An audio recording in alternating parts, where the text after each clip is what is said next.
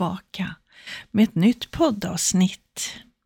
Idag är det måndag 8 januari och eh, jag vill börja med att berätta någonting så helt fantastiskt. Jag, eh, jag satt med hakan, ni vet när hakan bara åker ner, man bara, man, ser, man vet inte, man liksom, ja, så.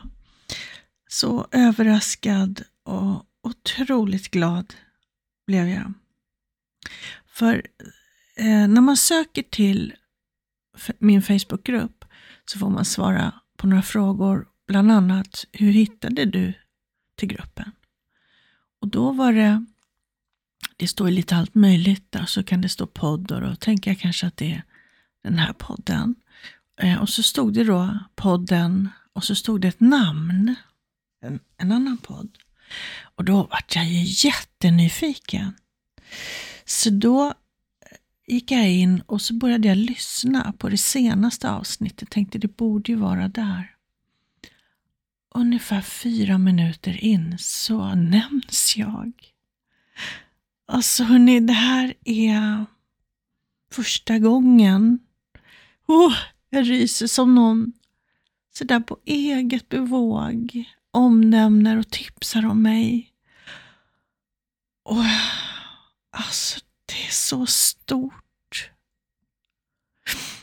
Jag blir otroligt glad och berörd.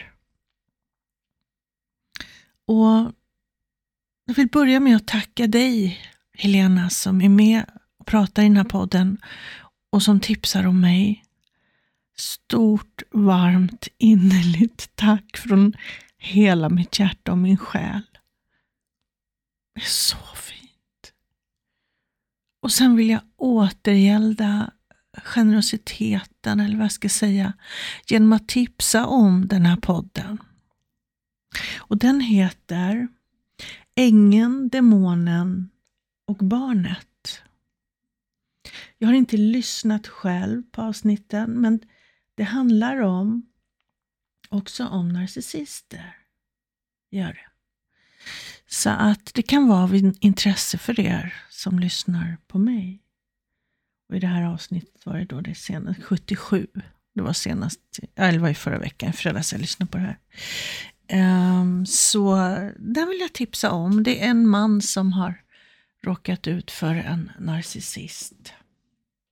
Bland annat, de har ju då 77 avsnitt så de pratar ju om mycket kring det här. Eh, och i sam samband med det så vill jag tipsa om Epilogen podcast. Den tipsar jag ofta mina klienter om.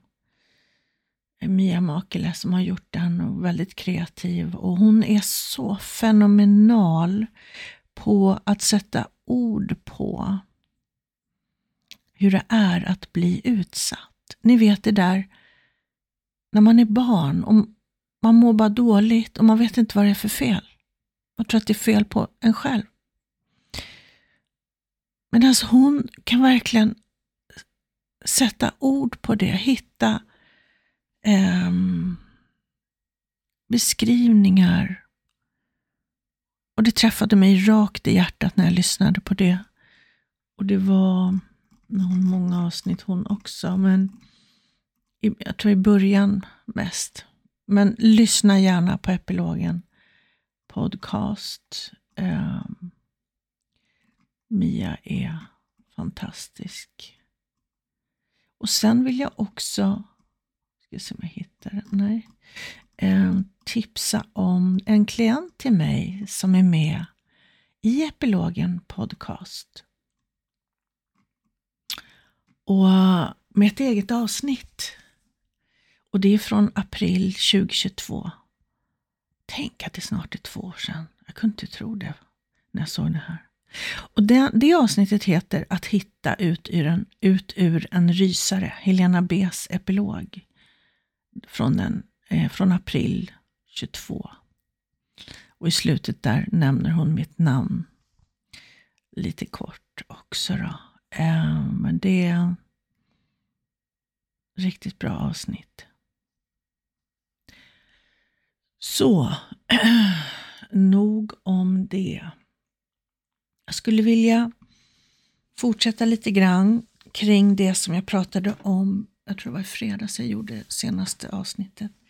Där jag beskrev de här två tjejerna. Den ena som är självmedveten, tillåter sina känslor och eh, sätter gränser, tar hand om sig själv vill säga. Medan den andra är medberoende och har sitt fokus utanför sig själv, vad alla andra tycker och tänker om henne så att säga. Och eh, blir ju mer då anpassad, för hon törs inte vara sig själv. Rädd att göra fel, rädd att vara fel. Och tar ansvar för andra människors känslor, agerande och situation kan man väl säga också. Bär på skuld och skam för den hon är. För hon fick aldrig känna att hon duger som hon är som barn, utan hon fick sitt värde genom att finnas för andra. Och i det så blir det som att andra är viktigare än mig, andras känslor är viktigare än mina. Och så har man stängt av sina känslor i det. Det där känner jag igen mig mycket i. Jag har fått jobba en hel del med att inte analysera vad jag känner, det vill säga inte låta det gå genom det logiska, inte tänka ut vad jag känner, utan direkt känna. Hur är det för dig? Kan du känna direkt din känsla eller behöver du gå upp i det logiska, det vill säga analysera fram den, tänka fram vad du känner? Ehm, det är menat att vi ska känna det vi känner direkt. Vi ska inte analysera det och kanske värdera det. Och, och vad jag också gjorde många gånger, eh, försökte verifiera, är, är det rätt av mig att känna så här nu? Det vill säga, det fanns inte en tillåtelse att få ha mina känslor, utan jag behövde få dem lite bekräftade verifierade av andra. Är det rätt att känna så här? Så var det på riktigt. Inte med alla känslor givetvis inte och inte i alla sammanhang. Inte där jag var mer trygg och så. Men i, med nya människor, nya, i grupper framför allt. Flera människor. Där blev det väldigt låst. Och Det kan jag känna lite grann fortfarande att jag har kvar. Just där när det är lite större sammanhang, fler människor. Det är svårare för mig att vara omedelbar och autentisk. Även om det har blivit bättre. Och i fredags då när jag pratade om, då var det ju en särborelation. Du som inte har lyssnat så är de här tjejerna i en särborelation och där man då har eh, kommit överens om att vi dyker inte bara upp hos varandra, vi kör inga spontangrejer här inte, utan vi bokar dejter så att säga. Vi planerar innan vi ses. Men så hade då den här mannen eh, frångått det. Köpt blommor och stod utanför dörren och ringde på. Um, och hon som är självmedveten, hon som tar hand om sina känslor. Hon blev givetvis jätteglad, men hon såg till att gränserna hölls. Det vill säga, det vi har kommit överens om, det är det som gäller. Och han blev ju besviken, men det lät hon honom ha. Hon tog inte ansvar för det, för att det var det han gamla med, så att säga, när han bara dök upp där. Då var det, han visste att det var det som kunde hända och det var det som hände och det fick han dela med själv. Så han fick inte komma in. Och medan den kvinnan som är medberoende, hon blev också jätteglad och släppte in. Och vilket också gjorde, jag fortsatte lite grann på den storyn, att han dök upp ofta mer och mer och inte med blommor och till slut så kom han alltid efter jobbet. Och hon hade den här skavande känslan att mm, det här är inte riktigt vad jag vill ha, jag vill ha mer egen tid. Men hon, det hade liksom hon hade sugits in i det där och sen så var hon i en situation hon inte riktigt visste hur hon skulle ta sig ur den. Så hon överger sig själv kan man säga. Hon tar inte hand om sina behov. Och det här, Den här mannen kunde lika gärna varit en narcissist. För det är så de gör. Dels så respekterar de inte gränser. Och dels så vill de knyta an sitt offer så att säga eh, fort. Så man ska gärna flytta ihop fort och gifta sig, skaffa barn om det är möjligt eller på tapeten. Nu är inte alla narcissister så. Faktiskt. En del är svårare från början. En del kör med eh, ghostning och eh, silent treatment och allt det där från början. Så att det finns varianter av allt. Så ingenting är svart eller vitt och det vill jag att du ska veta. Så man är ju, man är ju en, en magnet till narcissisten när man är medberoende. Man ger och ger. Man känner att man behöver finnas för andra och narcissister tar, tar. Um, och det är så man blir fri från narcissister genom att bli som den här kvinnan som är självmedveten, som tillåter sina känslor, som har fokuset på sig själv. Som tillåter sig att känna och som också sätter gränser. Hade hennes särbopartner varit narcissist så kunde han lika gärna bara blivit skitsur när hon sätter en gräns väldigt vanlig. Jättesur.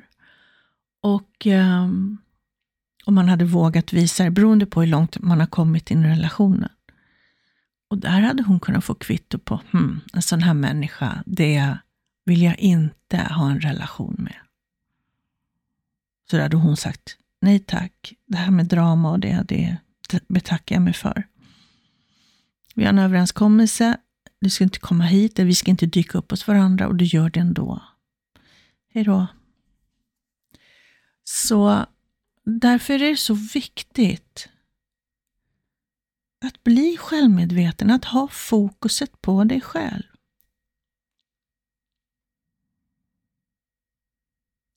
Att inte leva utifrån vad som händer runt omkring dig. Inte ha fokuset på det.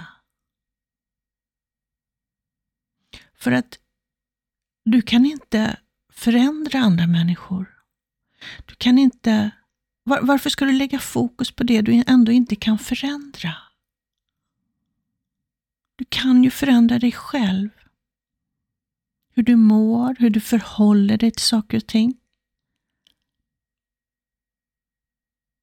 Det är vägen framåt. Det är vägen till att bli fri. Fri från narcissister och andra destruktiva människor. Och fri att vara du. Fri att leva ditt liv som du vill. Oavsett vad andra tycker. För det handlar om dem, deras åsikter handlar om dem och deras historia, deras värderingar, det de har med sig, det de är blinda för med sig själva, det de längtar efter, men kanske inte vågar. Det handlar om dem. Varför ska du leva ett liv som handlar om dem? Det är ju fullständigt galet.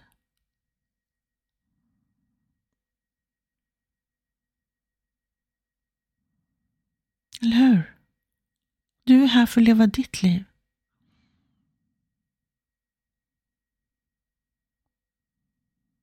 För att vara du.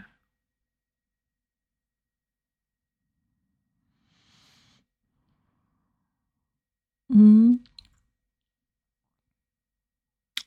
Vad vill jag säga mer med det där?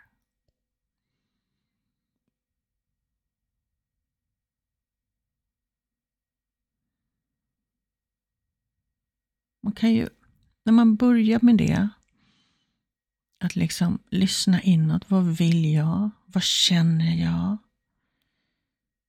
Och börjar kanske stå upp för sig själv lite mer. Komma i kontakt med det man själv vill. Alltså när jag var allvarligt medberoende, det värsta jag visste, det var ju frågor om mig. Men vem är du? Vad tycker du om? Alltså det här är så egentligen absurt, fast det är det inte. Jag visste inte det. Jag var inte i kontakt med det. Det var svårt för mig att svara på det. Idag ska jag kunna hålla en monolog om allt jag tycker om att göra och vem jag är. För att jag hade inte det fokuset på mig själv. Jag levde mitt liv med fokuset utanför mig själv på andra människor. Vad de gör, vad de tycker, vad de förväntar sig och så vidare och så vidare.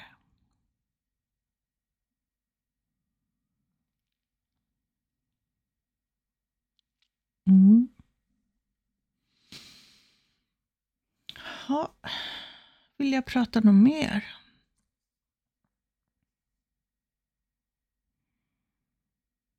Just nu kommer det inte så många ord. Försöker känna in om det är något mer som ska uttryckas.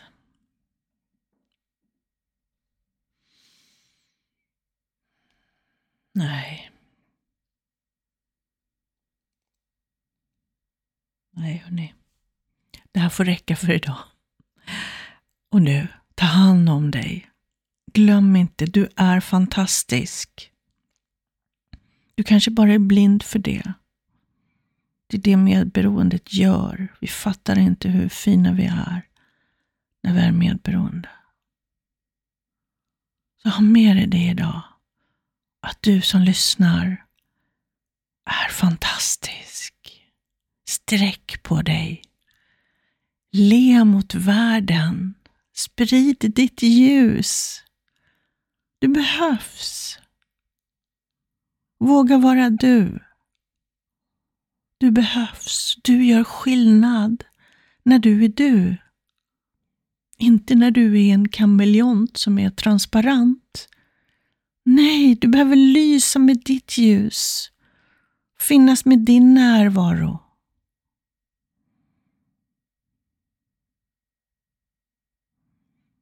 Tack för att du har lyssnat.